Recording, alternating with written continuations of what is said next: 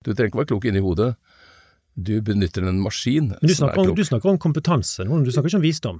Nei, jeg For visdom er jo at du har levd et liv der du har ulike visdom setter man erfaringer ikke noe pris på, det er ingen som spør om det lenger. Men trenger ikke verden visdom, da? Jo, det gjør den til de grader. Ja, men Trenger vi en visdomsrevolusjon? Ja, mener jeg absolutt. Egentlig mener jeg at vi er utrolig bortskjemt, både menn og kvinner, i forhold til den arbeidsmengden som våre foreldre og besteforeldre faktisk fysisk sett gjorde. Vi er mye mer opptatt av konkurransen, hvem som gjør hva, at vi skal gjøre likt, enn egentlig om arbeidsmengden i seg selv er så stor. Og det er selvfølgelig, hvis ekteskapet blir noe man skal stå med stoppeklokke på, så ja, da blir det vel sånn. Men generelt sett er mye villigere til å ta store sjanser med livet sitt enn det kvinner eh, har vist seg å være.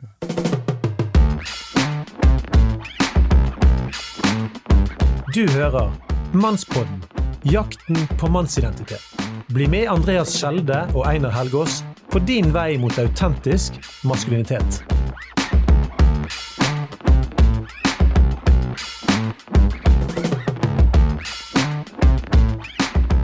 En, to, tre. Da er vi ferdig med det. Jau. Nå trenger vi ikke å teste, nå kan vi gå ut og feste. Jeg veit ikke kvifor jeg snakker slik.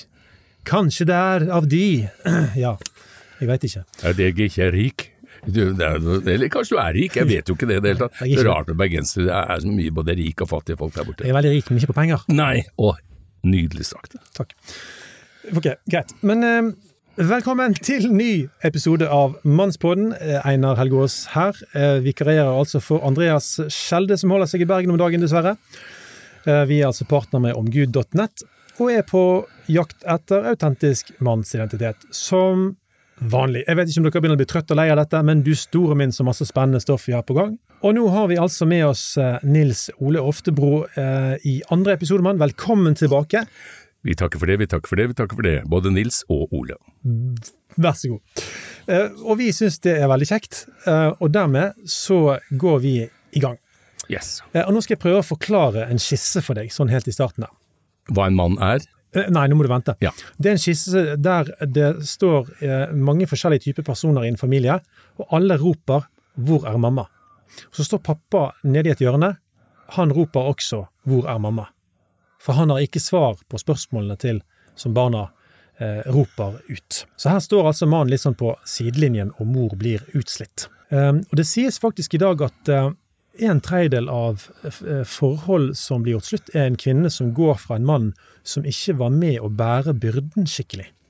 Hvordan kom vi dit? For når du var ung og sånt, så vil jeg vel tro at de aller fleste, eller mange menn, altså det å komme seg i gang med et yrke og løfte i et tak, var rimelig sentralt. Eh, ja, jeg tror det er mange grunner til det. Én ting er at vi eh, har ikke særlig lyst til noen av oss å egentlig anstrenge oss så veldig lenger for noe. Jeg tror nok min mor den gangen hun eh, Min far fyrte opp i en sånn ovn nede i kjelleren og varmet vann når de skulle vaske tøy, og så ble det skylt i to kummer, og så mm, tok hun sånn på en sånn tok, tok, tok, tok, vasket det med et vaskebrett. Så ble det kjørt gjennom en rulle, og så ble det hengt ut. Og jeg husker om vinteren så hang skjortene helt sånn stive med, med fuktighet og sånn, ikke sant, og kulde. Og så var det inn og tine.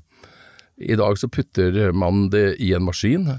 Det tar hvis man klokker det ca. Ja, fem minutter. Og så legger man det i en trommel som da skal tørke det, og så Det tar ca. fem minutter. Og så skal man legge det sammen, la oss si det tar 20 minutter da. Sammenlagt så har det tatt ca. en halv time. Men gjør man ikke begge to og deler på det, så kan det bli skilsmisse. Egentlig mener jeg at vi er utrolig bortskjemt, både menn og kvinner, i forhold til den arbeidsmengden som våre foreldre og besteforeldre faktisk fysisk sett gjorde. Også dobbeltarbeidende kvinner i dag gjør mye, mye mindre enn det deres mødre og bestemødre gjorde. Det forsvarer ikke at mannen ikke skal ta del i det, men jeg skjønner ikke denne voldsomme jamringen for at man har så veldig mye å gjøre. Vi får ett barn, jo. Før fikk de ti. Ja. De får én unge, og da er de 35. Og de har barnehage fra morgen til kveld, de ser jo barnet en time før de legger seg.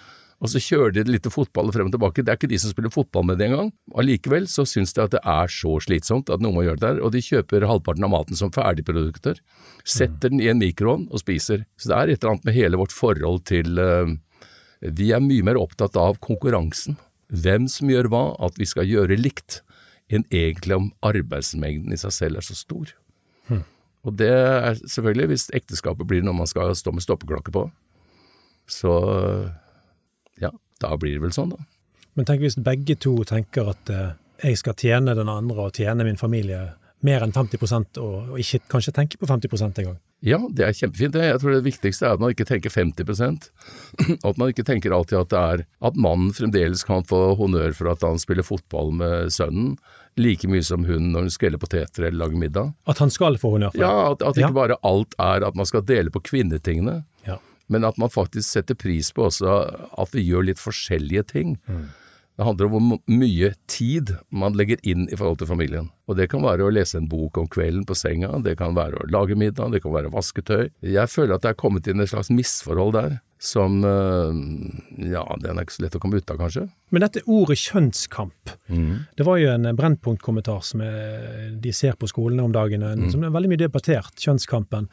Um, er den litt sånn utdatert, den, siden eh, vi er kommet så himla langt på likestilling? Eller, eller er, det, er det Hva tenker du om eh, Hva skal vi kjempe for i forhold til kjønn i Norge, eh, mann og kvinne i dag? Jeg har en følelse av at jeg, jeg holder Klassekampen, og ifølge den så er det liksom milevis igjen. Det virker som om det er egentlig liten forskjell mellom kvinner i Bangladesh og i Norge. Altså, de sliter begge hemningsløst med å få menn til å forstå hva menn bør godta, og hva menn bør delta i. Og øh, ja, nei, jeg tror at det det er jo vanskelig, da. Så lenge noen føler seg så misforstått, så tror jeg ikke det er lett å, å, å reparere det heller. For at eh, i en forstand så mener jeg at de, eh, det er vel aldri noen, verken menn eller kvinner, som har hatt det bedre rent fysisk sett og arbeidsmessig enn vi har i Norge i dag. Aldri. Også menn. Og, men også kvinner. Vi tåler lite. Vi tåler enormt lite. Og vi, eh, som du sa tidligere, vi føler ikke at vi er der for hverandre. Vi er der for oss selv, og for å oppfylt vårt syn på hvordan ting skal gjøres. Og det tror jeg gjelder både menn og kvinner. Kvinner syns at menn bør jobbe mer med sin sånn, sånn, sånn. Menn vil ha mer sex, kanskje, de vil ha mer av ditt, mer av noen annen form for nærhet. Og så begynner man å konkurrere. Så samliv som et selvrealiseringsprosjekt, det har ikke du sånn særlig stor tro på? Jeg syns ikke det virker sånn. Altså, hvis du ser på skilsmisseprosentene, så øh, hva jeg syns eller ikke er uvesentlig, men det er veldig mye statistikker og sånn som sier at det funker ikke uansett hvilken mening man har om det. Ja, nettopp, ja. De harde fakta. Jeg skjønner. Jeg merket at du trakk et pust nå og tenkte hvordan står det til hos meg egentlig hjemme? Nei. Ja, vi, vi benytter anledningen til, til litt mer høytlesning fra, fra, fra Nils Ole her. Eh, Det er faktisk eh, nok en passage fra eh, jobb før vi skal snakke litt om et nytt tema, men du kan få lov til å lese først. Menneske, født av en kvinne, lever kort og er fylt av uro. Det spirer som blomsten og visner, flykter som skyggen, står ikke i ro, og likevel holder du øye med det. Det er jo fint å bli holdt øye med. Ja, det kan være det. Mm. Ja, Hvis ikke en politimann, da. Men det er det vel ikke? Nei, det kan også være litt sånn Du vet, hva skal man si? At det er litt sånn som i Iran. Det er alltid en eller annen velmenende prest som holder øye med deg og sørger for at du gjør det du skal gjøre. Ikke tenk så mye selv, ikke men så mye selv. Vi mener for deg. Nå blir du holdt øye med. Ja, den er jo ikke særlig sunn. Nei. Det er helt riktig. Så den setningen kan bety det ene og det andre. Det spørs hvem det handler om, da. Eh, Om det handler om eh, han der oppe eller oss her nede. Ja. Det kan jo være litt forskjellig. Men eh, Nils Ole, du vet jo om våren i Bergen. Du har jo kanskje ikke vært eh, i Bergen om våren, men da, Åh, festspill! da blomstrer, Masse ganger. da blomstrer rhododendron Åh. i Bergen. Du vet hvilken plante det er. Ja, ja. Jeg er altfor fokusert på rhododendron om dagen. altså de, de begynner å blomstre den ene etter den andre i hagen. Men det varer bare 14 dager, Nils Ole. Og Mm. du er jo over 70. Mm. Føler du det litt avblomstra òg? ja absolutt. Ja. Men er det gøy, eller er det ikke gøy? Det høres ikke gøy ut, men, men hva er din opplevelse? Det er ikke noe gøy, det. Alderdommen er ikke noe gøy. Alderdom er noe dritt. Jeg skal ikke skryte av det. Nei, alderdommen skal man ikke skryte av. Altså Alternativet er eventuelt enda verre, eller man vet jo ikke riktig. Det er jo det at Hadde man vært 100 sikker på at det var bare fest og glede på den andre siden, så kunne han jo sagt at nei, nå vil jeg heller forsvinne, og så tar jeg sjansen på å få fest og glede på den andre siden. Men du biter deg fast? Ja, jeg er liksom litt usikker. Det kan jo være bare mørke òg, og det er jo trist. Det er det. Ja. Og så er det noe med å få lov til å se disse barnebarna vokse opp litt til, da. Prøve å være så lenge at de kanskje husker et glimt av en, liksom. Det kunne vært artig. Hm. Men hvorfor må skjønnhet og styrke være så utrolig mye kulere enn visdom, da? For visdom pleier jo å være noe som man finner litt mer av hos de eldre enn de yngre. Ja, det er mulig det gjør, men det, vårt samfunn tenker ikke sånn. Vårt samfunn tenker at det å være vis i dag, det er å kunne behandle forskjellige av våre nye verktøy best mulig, altså PC, eh, Tinder. Wikimedia, ja, Tinder eventuelt, ikke sant. Å kunne gjøre alt det, det er det som gjør deg klok. Du trenger ikke være klok inni hodet. Du benytter en maskin Men du som er snakker, om, du snakker om kompetanse nå, du snakker ikke om visdom. Nei, jeg For Visdom ikke visdom er jo at du har levd et liv der du har ulike visdom setter man erfaringer ikke noe i pris på, det er ingen som spør om det lenger. Men trenger ikke verden visdom, da? Jo, det gjør den til de grader. Ja, men Trenger vi en visdomsrevolusjon? Ja, mener jeg absolutt. Ja, men Da bør jo din generasjon av eldre få snakke mer, få være mer eh, tilgjengelige for en liten prat i byporten. Absolutt, det, burde, det mener jeg absolutt. Og det er klart det er mange, det er mange eldre etter hvert. Og du ser kultur og på alt, vi lages ikke noe for, det er ingen som interesserer seg for de problemstillingene. Alt er for å trekke de unge med. Og hvorfor det? For å tjene penger. Make money. For det står for noe, du kan ikke tjene Gud og mammon. Mm, det er noe man kan tenke godt igjennom. Absolutt. Altså, du, jeg har et mål om at jeg som gammel Mhm. skal bli en vis mann som blir oppsøkt av unge menn i byporten fordi de eh, sliter med livene sine. Jeg har levd litt lenger, kanskje har litt visdom. Er ikke det et høyverdig eh, mål i en tid av eh, kjønnsoperasjoner og ungdomsdyrking? Absolutt. Absolutt. Ja, Jeg kan bare si absolutt. ja absolutt. Det er et ønske, og hvor lett er det å få til, det, det vet jeg ikke. Da skal jeg eh, få lov til å lese. Eh, Det er ikke Liv Ullmann eh, vi skal Nei. Da skal Nei, jeg jeg er ikke Liv Ullmann, nei, Nei, nei, Hun har kanskje vært her, men jeg er ikke Liv Ullmann. Da begynner du å se dårlig Ja, ja, jeg bruker jo briller, men Altså, jeg skal lese en bro fra en sang som jeg har skrevet, som heter Ungdomskilden. Mm. Det sitter en vismann på benken i fjellveien og smiler av galskapen vår. For jakten på kilder til ungdom og herlighet fører oss vill der vi går. Så sier han stille, hver eneste fase av livet gjemmer sitt eget gull, for den som har øynene åpne, fra år til år. Altså, Ja, jeg er, ikke, jeg er ikke uenig i det.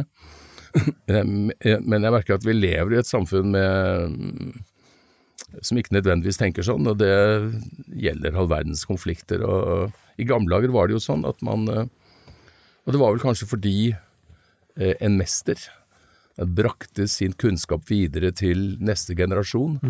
Og det gjelder håndverk, hvordan du hugger til en sten, hvordan du melker en ku, hvordan du gjør ditt og datt. Så ved siden av eh, såkalt visdom, så var det også å bibringe kunnskap, og selvfølgelig også fortelle fra et langt liv. Men eh, i dag så tenker man at nei, nei, nei, vi bruker andre maskiner i dag, vi gjør det på en annen måte, det der pappa er bare tull. Men, men, men en annen ting er jo hvordan du har det som eh, en mann i 70-årene. Altså, hvis, hvis det er riktig det som står her i denne sangen, hver eneste fase av livet gjemmer sitt eget gull. Da må det være noe gull i din alder som ikke ligner 25-åringens naturlige fysiske styrke, eksempel, som du ikke har nå. Ja, jeg skal tenke godt igjennom det. Uh... Møtes om en måned? jeg tror nesten vi må gjøre det. Jeg, Et jeg, år! ja, nei, jeg syns at eh, sånn som det er i vårt moderne samfunn Hadde du spurt om dette for 30 år siden, så tror jeg det ville vært annerledes. Jeg tror min far kanskje, um, og vi som var yngre, opplevde det annerledes enn i dag. I dag føler jeg at uh, tingene forandrer seg så fort at uh, hver generasjon forbindes mest med seg selv og sine venner og sin uh, Det har oppstått et slags skott mellom, uh, mellom generasjonene. Og visdom er det veldig få som søker. De søker ungdom og Botox og, og, og går på treningsstudioer, og de har helt andre Du ser jo hvem som er idealer, hvem som er de kloke, hvem som på, møter dem på TV og sånn. Det er sjelden du ser gamle, kloke menn med skjegg som, eh, eller damer. Ja, ikke de med skjegg, da, det er jo litt pinlig hvis de har skjegg, men det er veldig sjelden liksom noen av de er de man rådspør om ting. Det er oppegående politikere eller unge mennesker som er fremme i media av helt andre grunner. Hm. Dette kan man grunne på. Ja, det kan man. Bjørn Eidsvåg var ikke så fornøyd her for en stund siden, fordi at uh, de over 50 og 60 sine sanger til og med ikke var så prioritert på P1. Du må være litt yngre, du må være litt yngre og være litt mer spenstig hvis ja, du skal ja, ja, ja, ja, helt klart. Helt klart. Men du, vi går videre på en litt annen eh, tematikk her. Mm. Eh, jeg forlater dette med alder og sånne ting. at her er det, rett og slett Vi må tenke mer på det. Altså, vi, vi, vi, vi snakker ikke mer om det, vi, vi tenker og, og, funderer over disse tingene videre. Men altså, hvis du ser på de som sitter i fengsel, så er sånn rundt 5% av de er kvinner, og de resterende 95 de er da ja, de er menn. Mm. Og Hvis vi skal ta norske kjønnsforskere på alvor, så virker det som dette må forklares ut fra miljøpåvirkning. For det er jo det som er den forklaringsmodellen som er igjen. Og, og, og, miljøpåvirkningen kommer jo som kjent fra familie og skole og venner. Nils Ole, tror du at norske foreldre oppdrar gutter til å bli mer voldelige enn kvinner? Nei, jeg tror ikke nødvendigvis det, men jeg tror at vi eh, kjønn velger, hvis man skal regne livet som en krigsarena, da, så velger vi våpen etter hvilket våpen vi tror vi lykkes med. Mm -hmm. Og siden menn er sterkere fysisk, så kan det hende at de velger å slå, de velger karate, de, eh, jentene velger å se vakre ut, de velger leppestift, farge håret sitt, holde seg slanke, Gjør, gjøre sånne ting. Altså de, de, ja, du kan kalle det manipulere, eller bruke sin seksuelle eller sensuelle utstråling eventuelt for å skaffe seg noe. Uh, når det gjelder dette med forbrytelser og sånn, så tror jeg nok at det ofte kommer av at mange menn liker veldig godt å ta sjanser. Det er jo sant. De hopper, de klatrer mer i fjell, de går opp, de hopper utfor stup, de gjør Og det er ikke tvil om at det å være forbryter er på en måte å ta sjanser. Mm. Du vet at politiet kommer og tar deg, hvis du ikke lykkes her, så sitter du fem år av livet ditt liksom innesperret på ett rom. Mm. Det er klart du satser alt på én mynt, og jeg tror nok det er noe som ligger eh, i mannens natur. Det er også det som har gjort at de store oppdagelser, masse ting, flere av de er gjort av menn enn av kvinner, er fordi menn generelt sett er mye villere til å ta store sjanser med livet sitt enn det kvinner har vist seg å være. Og som springer ut av eh, testosteron, blant annet, som, som skaper ja, hva det kommer, Jeg er ikke flink nok til sånn, jeg er ikke lege, så jeg kan ikke si akkurat hva ja. det kommer ut av, men, men, om det er et hormon eller om det er noe annet. Mm. Men det virker som om uh, menn generelt er villigere til å ta sjanser. Ja. Villigere til å satse livet sitt, villigere til å dø for uh, å komme inn i jungelen i Amazonas, eller stjele gull i en bank, eller gjøre hva fanken. Jeg ser det. Mens kvinner er mer villige til å få, prøve å skaffe seg det samme sånn, litt sånn i efterkant gjennom avstemninger, etter at mennene da har gått ut og skaffet det. Så vil de si ja, men halvparten av dette bør være mitt, for nå er det kommet her, og nå går jeg i tog, og da bør jeg få halvparten. Ja, forhandling. Forhandling, og det er de dyktige til. Mm. Du, vi, vi, vi, spaserer enda litt videre. Vi er litt sånn ymse tematikk i denne episoden. Jeg har lyst til å lese et sitat som, som jeg mener eh, personlig er et av tidenes beste sitat. Okay. Eh, og, og, det er, går sånn. Du har skapt oss til deg, Gud, og vårt hjerte er urolig inntil det finner hvile hos deg. Det er altså kirkefaderen Augustin som har sagt det. Mm. Nils Ole, hva tenker du om en åndelig virkelighet? Ganske mange menn tenker ganske praktisk, ganske funksjonelt, liker at fire pluss fire er åtte, mm. og, og, tenker kanskje mindre på at det kanskje er noe mellom, mellom himmel og jord, for det kan ikke løses matematisk. Men, men, hva tenker herr Oftebo om sånne ting? For du vet, kunstnere, noen mener at de eh, er kanskje mer åpne for sånt enn rasjonalister fra studiesteder i Trondheim og sånt? Jo, jeg tror det er mye det sitatet, jeg. Um, vanskeligheten med det sitatet syns jeg generelt sett er eh, hva er kirke? Hva er autoritet? Hva er åndelighet? Hva vil det si å være personlig kristen? Mm. Mange av de jeg har truffet som har kalt seg det, har etter min mening vært noe av de mest upersonlige kristne jeg har truffet. De har gjort akkurat det som mor og far og alle rundt dem har gjort. De har egentlig aldri tatt personlig stilling til noe som helst. Mm. De har aldri virkelig tvilt. De har aldri virkelig funnet tilbake til noe. Det har liksom aldri vært den fortapte sønn. Oh, ja. Det har alltid vært han som bodde hjemme hos mor og far, og ikke kirkene var ordentlige. Hm. Så um, Du har mer sans for de som radikalt finner, uh, finner, veien? Ikke nødvendigvis, jeg har sans for begge, jeg. Jeg har sans for begge. Men det er lettere for meg å kjenne seg igjen i den ene typen enn i den andre. Ja. Men sitatet handlet jo veldig lite om kirke, det handlet om en relasjon mellom Gud og mennesker. Ja, men ofte formidles liksom relasjonen mellom Gud og mennesker gjennom kirker, gjennom autoritet, gjennom prester, Mm. gjennom sånne ting. Mer enn um, Det er altfor få mennesker som har et ikon stående hjemme, og som de bruker å be eller meditere, eller kall det hva du vil, rundt. Ikoner er jo ikke malerier å henge på veggen. Et ikon er et bilde som eh, skal få deg til å tenke på noe som kan frembringe det beste i deg. Noe som kan en slags indre eh, Hva er det Jesus sier? At 'mitt rike er ikke av denne verden'. At, at Guds rike er inni dere. At uh, det som kalles det åndelige, er uh, egentlig en kamp med deg selv, med å forstå og overvinne og se din plass eh, Jeg blir så svulstig med en gang. eh, Altså sammen med andre mennesker, sammen med Å forestille seg Gud er på en måte for meg Jeg har prøvd, men det jeg, jeg innrømmer blir helt umulig. Hvis jeg virkelig skal forestille seg en som har skapt hele universet ut av ingenting, The Big Bang, av milliarder, milliarder av kilometer, alle dyre fuglearter frem og tilbake, så er det som en maur som skal forstå matematikk eller Einstein. Altså, det blir på en måte umulig. Det, det fyller meg med en form for ærefrykt. Er ikke det greit, da? Jo, det er greit, men det lar seg ikke forstå. Det er hinsides forståelsen. Det, det er, eh, og det er nesten hinsides tro.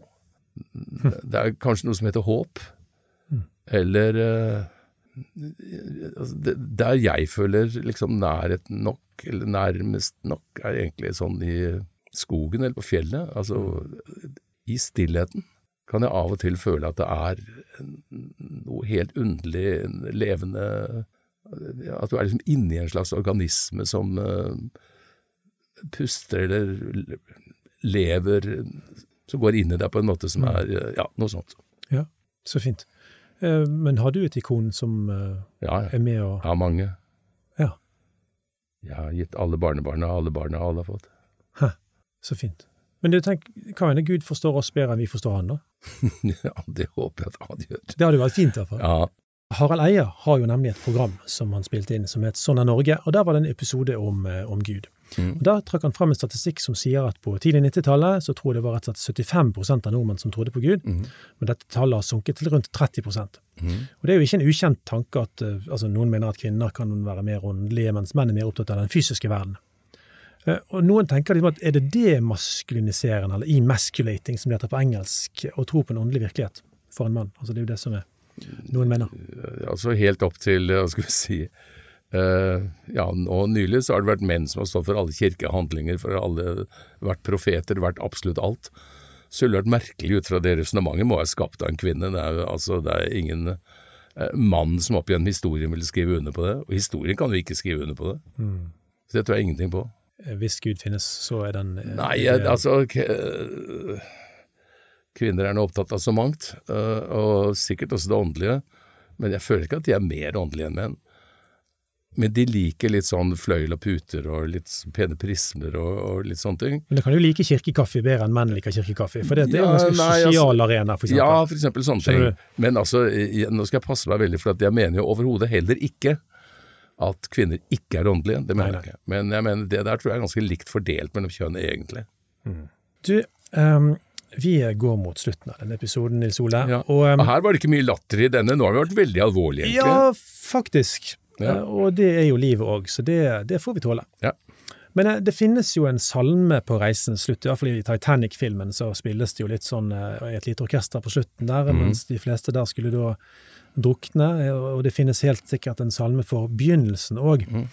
Eh, Vi var inne på dette med serien Mannefallet, om, om, om menn som eh, ikke finner seg noen. og, og, og det viser seg at menn liksom takler ganske dårlig å være alene. Altså det, det, det liksom å være oppegående på vegne av seg sjøl, det er ganske tøft. Um, så jeg har lyst til å utfordre deg, Nils Ole, uh, til å lese en salme som jeg har lyst til i dag skal gå til ensomme menn. Menn som, som leter etter den kvisten som du snakket om i forrige episode. Den, Ja. du, er, du ligger i myra og leter etter en kvist som du kan bare trekke deg opp etter. Ja. Du skal ha fullt fokus på det som du anbefalte. Ja. Så, så hvis du har rett og slett lyst til å, å, å på direkten lese denne salmen på bokmål, så syns jeg det ville vært en, en, en fin avslutning på en, en alvorsepisode som du eh, nevnte at vi har hatt nå. Herre, du ransaker meg, og du vet. Du vet om jeg sitter eller står. På lang avstand kjenner du mine tanker. Om jeg går eller ligger, ser du det. Du kjenner alle mine veier. Før jeg har et ord på tungen, Herre, kjenner du det fullt ut. Bakfra og forfra omgir du meg. Du har lagt din hånd på meg. Det er et under jeg ikke forstår. Det er så høyt at jeg ikke kan fatte det. Hvor skulle jeg gå fra din pust? Hvor kunne jeg flykte fra ditt ansikt? Stiger jeg opp til himmelen, er du der. Legger jeg meg i dødsriket, er du der. Tar jeg soloppgangens vinger og slår meg ned der havet ender, da fører din hånd meg også der, din høyre hånd holder meg fast. Jeg kan si, la mørket skjule meg, og lyset omkring meg bli natt. Men mørket er ikke mørkt for deg. Natten er lys som dagen, mørket er som lyset, for du har skapt mine nyrer, du har vevd meg i mors liv. Jeg takker deg for at jeg er så underfullt laget. Underfulle er dine verk, det vet jeg godt. Knoklene mine var ikke skjult for deg, De ble laget på hemmelig vis og vevd dypt i jorden. Dine øyne så meg da jeg var et foster. Alle dager er skrevet opp i din bok.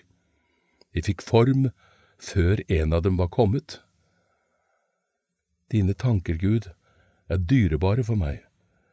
Summen av dem er ufattelig.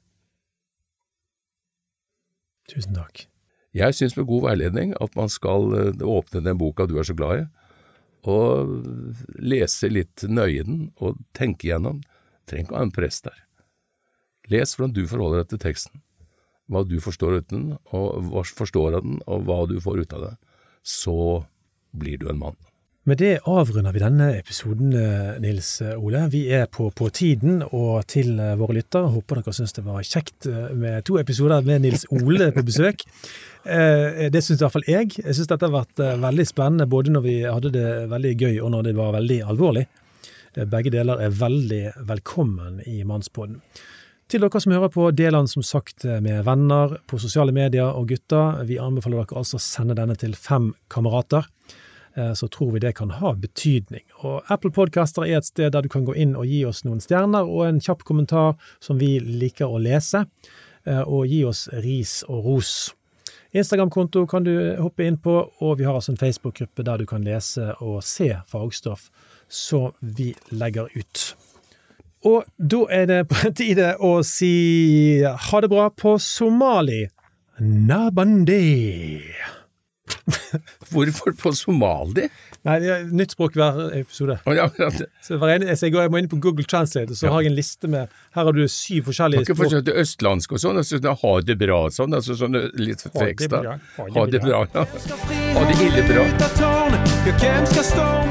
Mens du venter på neste episode, del gjerne Mannsbåten med fem andre menn, så de kan koble seg på jakten på mannsidentitet i en kjønnsnøytral tid. Hvis du ønsker å lære enda mer om denne tematikken, følg Mannsbåden på sosiale medier. Vi snakkes. Shalala, oh, oh, sha-la-la, sha-la-la.